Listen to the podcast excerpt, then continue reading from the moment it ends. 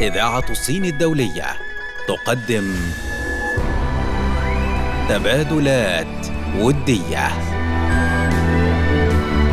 كل ما يخص العلاقات الصينية العربية. التبادلات التجارية والصناعية والثقافية والعلمية. جسور الصداقة بين الصين والعالم العربي. تبادلات ودية. فقط عبر أثير إذاعة الصين الدولية. مستمعينا الكرام مستمعي إذاعة الصين الدولية في كل مكان أهلا ومرحبا بكم. ولقاء جديد من برنامج تبادلات ودية. مستمعي الأعزاء على مدار عقود مديدة بنى الصينيون والعرب جسورا من العلاقات المتينة بينهما. وايمانا بروابط الصداقة المتينة بين الصين والعالم العربي. نرصد أهم المستجدات في العلاقات الصينية العربية. ولأن هذه الصداقة ممتدة عبر التاريخ سنلقي الضوء على التبادلات التاريخية بين الصين والعالم العربي على مدار التاريخ. وهناك العديد من الأحداث التي تحكي عن الروابط الصينية العربية. ومن خلال تبادلات ودية سنعرض لكم هذه التجارب. ونركز على جهود تعزيز أواصر الصداقة ودفع العلاقات الودية الراسخة بين الصين وبلاد العرب. كل هذا فقط من خلال برنامجكم تبادلات ودية. يقدمه لكم حمزة محمد. وأمل عبد الله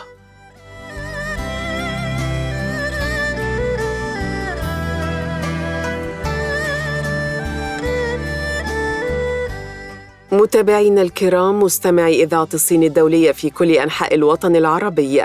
أهلا ومرحبا بكم وأولى فقرات برنامجكم تبادلات ودية.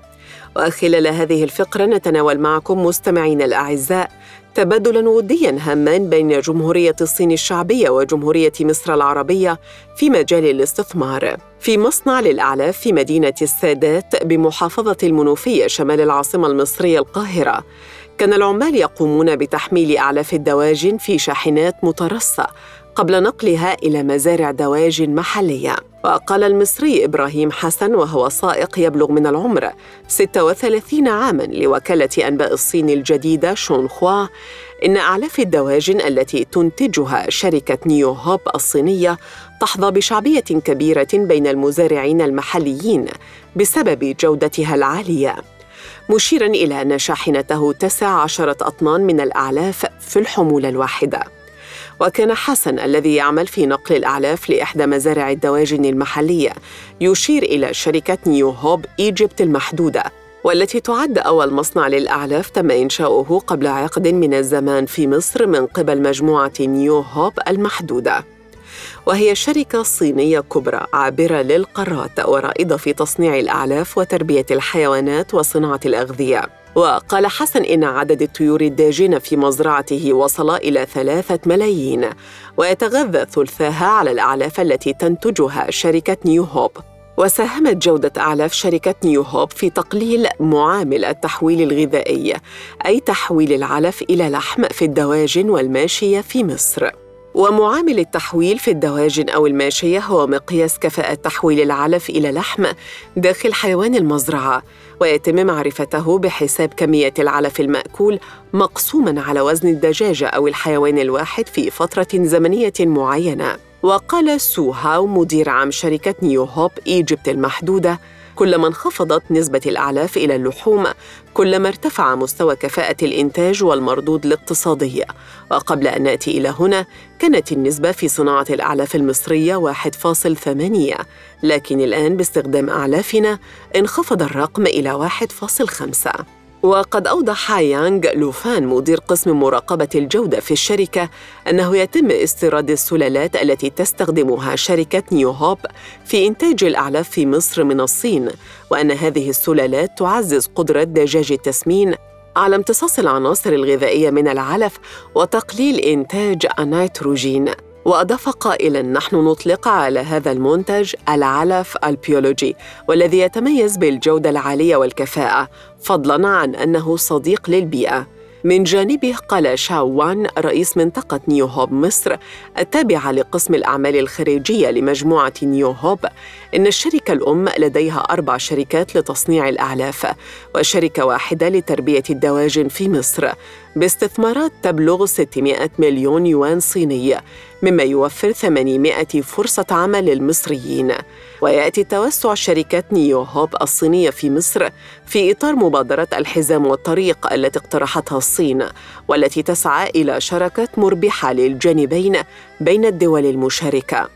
وقال شاو نحن نتبع عن كذب خطوات مبادرة الحزام والطريق ونحن مدعومون بأكثر من أربعين عاماً من الخبرة لدى فرقنا الفنية الصينية وذلك بالطبع في استخدام تقنيات الإنتاج الرائدة لمعالجة الأعلاف عالية الجودة والتي لعبت دورا في تطوير صناعة الزراعة وتربية الحيوانات في مصر. وأضاف أن العمل لدى الشركة الصينية ساهم في تغيير حياة الكثير من المصريين ومساراتهم المهنية إلى الأفضل. ويقول محمد رمضان نائب مدير قسم الإنتاج بالشركة إن الشركة لديها ما يقرب من 200 موظف أكثر من 90% منهم من المصريين. وقال مختتما حديثه العملاء يتصلون بي بكل أريحية ويخبروني بأية مشاكل لديهم في إطعام الدواجن وأنا أشكر شركة نيو هوب لكونها لعبت الدور الأكبر في تنمية صناعة تربية الدواجن والماشية في مصر والتي تمثل حقا املا جديدا. فصل قصير مستمعي الكرام يعود بعده لكم الزميل حمزة محمد فكونوا معنا.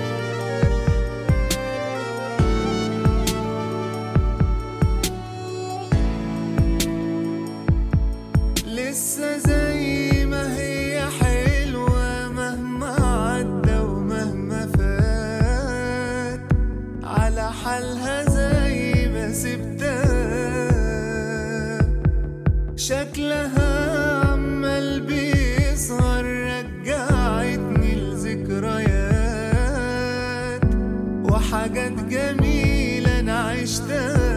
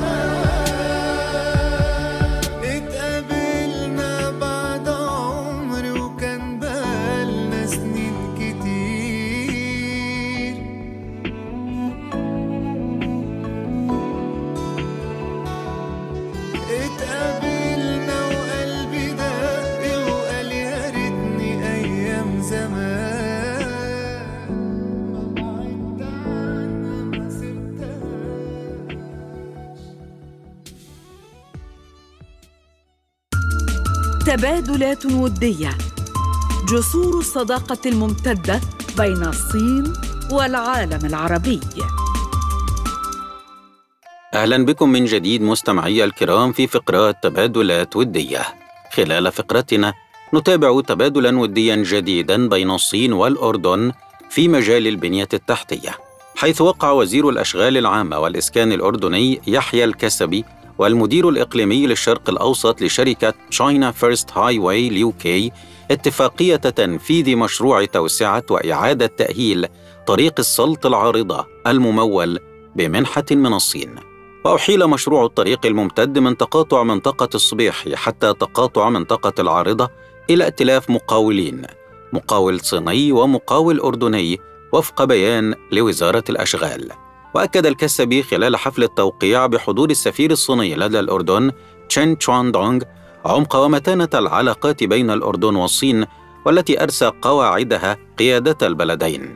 معربا عن فخره واعتزازه بالتعاون المتجدد والدائم بين البلدين لدعم المشاريع الحيوية في الأردن بشكل يساهم في تحسين البنية التحتية إضافة إلى المشاريع التي تعنى بتطوير قطاعات الصحة والتعليم ومشاريع التنمية الأردنية. وشدد على أن مشروع توسعة وإعادة تأهيل طريق السلط العارضة يعد حيويا ومهما وكان على سلم أولويات الوزارة مبينا أن المشروع هو من ضمن سلسلة مشاريع تم تنفيذها في الأردن بدعم من الصين الشقيقة.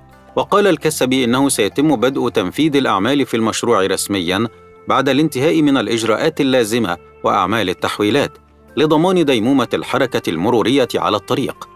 مشيرا إلى أن المدة الزمنية المتوقعة لانتهاء الأعمال في المشروع تبلغ 18 شهرا من تاريخ بدء التنفيذ.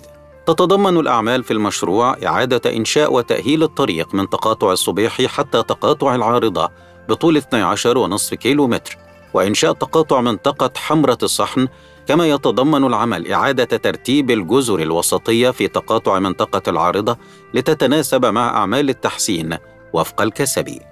كما يشمل العمل إنشاء وتحسين عبارات تصريف مياه الأمطار وأعمال الحماية اللازمة إضافة إلى أعمال السلامة العامة من إشارات ومتطلبات السلامة المرورية وأعمال الإنارة وفق أعلى المعايير الهندسية المتبعة عالمياً.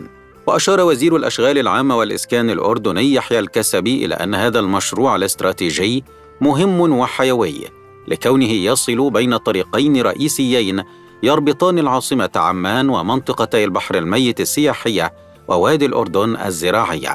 حيث سيساهم بشكل رائع في تعزيز الحركة السياحية والاستثمارية في المملكة بما ينعكس ايجابا على العجلة الاقتصادية ككل وأشاد الكسبي بدعم الحكومة الصينية الدائم والمستمر للأردن لإنشاء مشاريع تنموية مهمة تساهم في تحسين واقع البنية التحتية من جهته أعرب السفير الصيني لدى الأردن عن سعادته بتوقيع اتفاقية المشروع مؤكدا تقديره لجهود الوزير الأردني على دعمه الكبير لمشروع طريق السلط العارضة.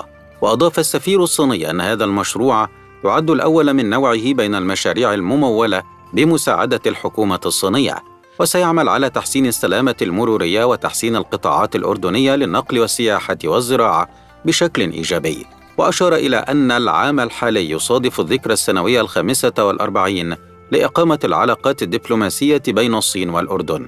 قائلا إنه على مدى 45 عاما وتحت التوجيه الحكيم لقادة بلدينا تقدم تعاوننا العلمي بشكل كبير وانتعشت التجارة الثنائية بين الصين والأردن بقوة لتصل إلى 4.5 مليار دولار بزيادة سنوية قدرها 22% وأشار إلى أن البناء المشترك لمبادرة الحزام والطريق بين الصين والأردن حقق نتائج مثمرة وأكد أن التعاون المشترك يساهم في تسخير إمكانات وفرص اقتصادية أكبر للمواطنين متمنيا للمشروع النجاح الكبير. بهذا مستمعي الكرام وصلنا بكم إلى ختام فقرتنا. فاصل قصير تعود بعده أمل عبد الله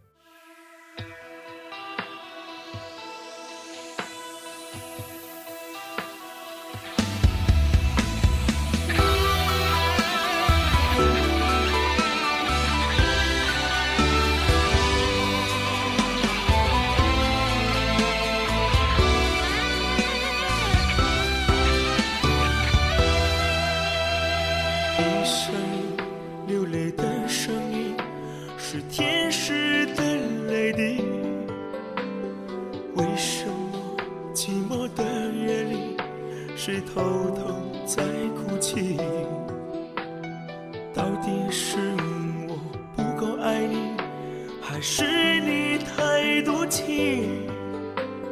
丢下了伤痛的寂寞你转身就离去。这世间很多爱的悲剧为何我失去了你？一切一切就像在演戏，最后伤了我自己。抹去眼角滑落的泪滴，你听不见我哭泣。而此刻我真的好想你，你却在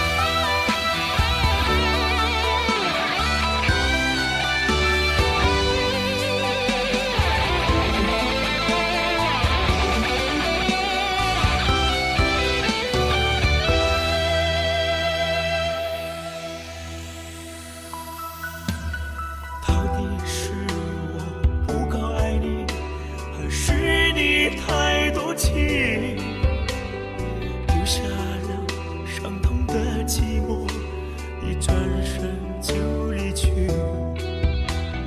这世界很多爱的悲剧为何我失去了你？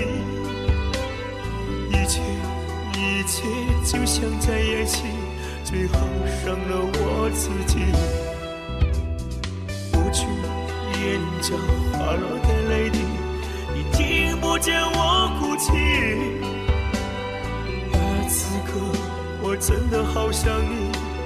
却在。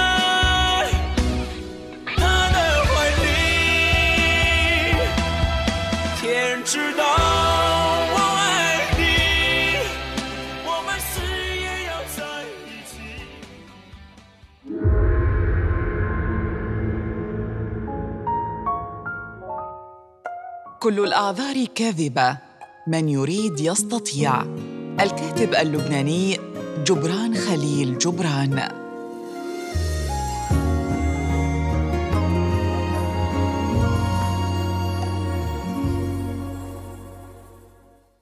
مستمعينا الأعزاء أهلا بكم من جديد وعودة إلى برنامجكم تبادلات وديه الذي يأتيكم عبر أثير إذاعة الصين الدولية بحكم قوة وترابط العلاقات والتبادلات بين الصين والوطن العربي. كان هناك العديد من الأشخاص العرب الذين كانت لهم تجارب مختلفة في جمهورية الصين الشعبية وأيضا العديد من الصينيين الذين كانت لهم تجارب مختلفة في البلاد العربية. اختلفت هذه التجارب الشخصية وتنوعت فمنها الاقتصادية والاجتماعية والفنية والثقافية والفكرية والعلمية. ولكن جميعها تدل على الأفاق المفتوحة والعلاقات القوية بين جمهورية الصين الشعبية والوطن العربي بشكل عام. ونحن معكم الآن وفقرة حكايات من الشرق وفيها نتعرف على تجربة المهندس الصيني سون شياو هانغ في العمل بتونس. يعمل سون كبير المصممين الصينيين بمجموعة أرك بلس الصينية العملاقة المتخصصة في التصميم والبحوث المعمارية في مهنة التصميم منذ أكثر من عشر سنوات. وتقف المباني التي ولدت على يده شامخة في أنحاء العالم. ويقول سون خلال حياتي العملية الطويلة كان عملي في تونس هو الأكثر إدهاشاً فقد شغلت منصب رئيس أعمال التصميم بمشروع بناء الأكاديمية الدبلوماسية بتونس وهو واحد من سلسلة مشاريع التعاون الصيني التونسي المقامة في إطار مبادرة الحزام والطريق والتي شاركت فيها مجموعة أرك بلاس في السنوات الأخيرة. وأضاف سون قائلاً سافرت أنا وفريقي عام 2018 إلى تونس لإجراء دراسة ميدانية. حاملين معنا خطتين أوليتين مختلفتين للمشروع. وأجرينا مناقشات مع ممثلي الإدارات الرئيسية والمهندسين المعماريين في تونس. وما زالت عملية التشاور المشترك بين الجانبين التي جرت خلال الزيارة حية في ذهن سون. حيث قال إن الخطتين الأصليتين اللتين قدمتهما كانتا تهدفان إلى بناء مجمع منخفض الارتفاع ومشيد على الطراز المعماري التونسي التقليدي. بينما فضل الجانب التونسي تشييد مباني حديثة ومسيرة للطرز المعمارية المستقبلية. وأعطى أكبر الاهتمام لقاعة المحاضرات إذ قام مدير البناءات بالإدارة العامة للمصالح المشتركة التابعة لوزارة الشؤون الخارجية التونسية برسم الرسومات بخط يده من أجل عرض لب أفكاره بكل وضوح.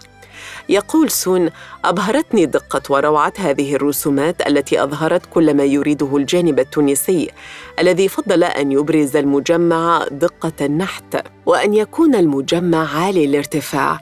وتبع سون قائلا بعد خمس جولات من المناقشة الودية مع الجانب التونسي قررنا تشييد قاعة المحاضرات في مقدمة المجمع وتزويدها بقبة. وجعل مدخلها ومخرجها مطليين على الشارع ليحتضنا المدينة مباشرة ترحيبا بالضيوف الأجانب من خلال بوابة مفتوحة. وأضاف بقوله كان عملنا بمثابة الرغبة التونسية في تكوين هذا المشروع والرغبة الصينية في مساعدة الطرف التونسي على الإنجاز. وختم سون قائلا إن العقلية التونسية مذهلة وساعدتني كثيرا في عملي ودفعتني للعمل في هذا المشروع بشغف كبير يليق بالطبع الصيني ويليق أيضا بالطموحات الصينية المبدعة. فاصل قصير مستمعي الكرام يعود بعده لكم الزميل حمزة محمد فكونوا معنا.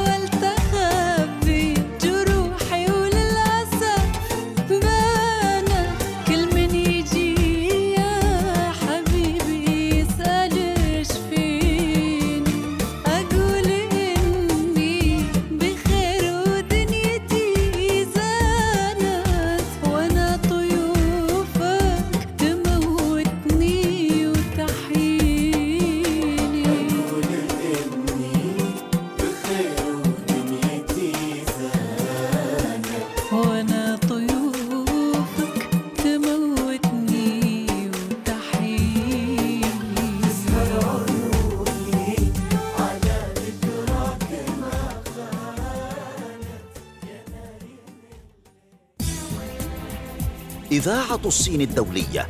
الشرق يتحدث عن نفسه.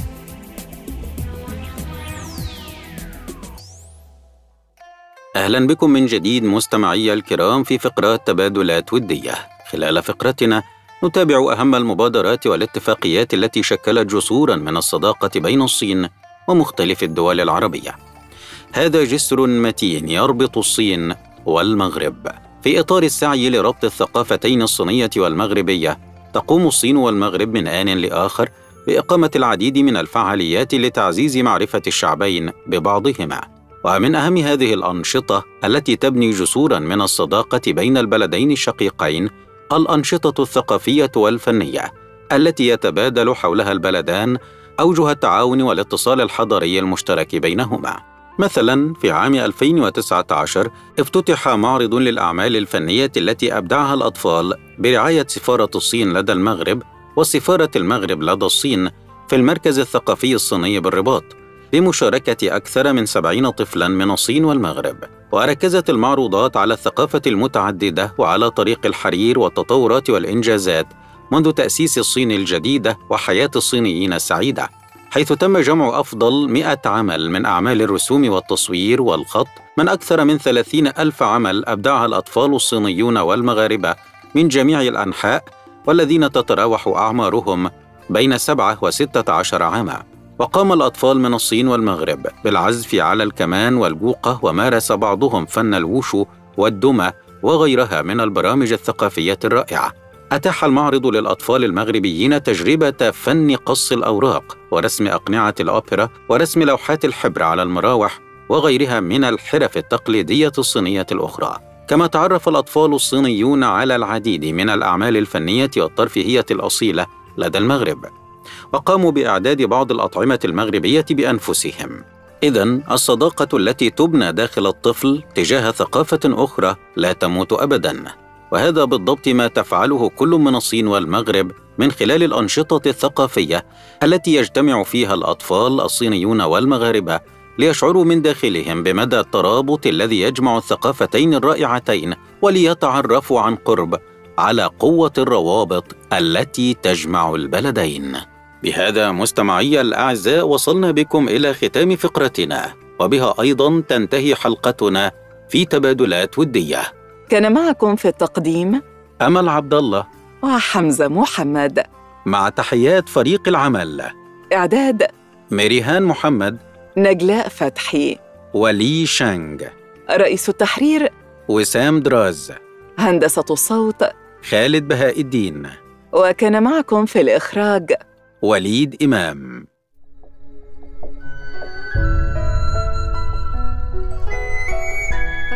تبادلات ودية. جسور الصداقة بين الصين والعالم العربي. تبادلات ودية. كل ما يخص العلاقات الصينية العربية. تبادلات ودية.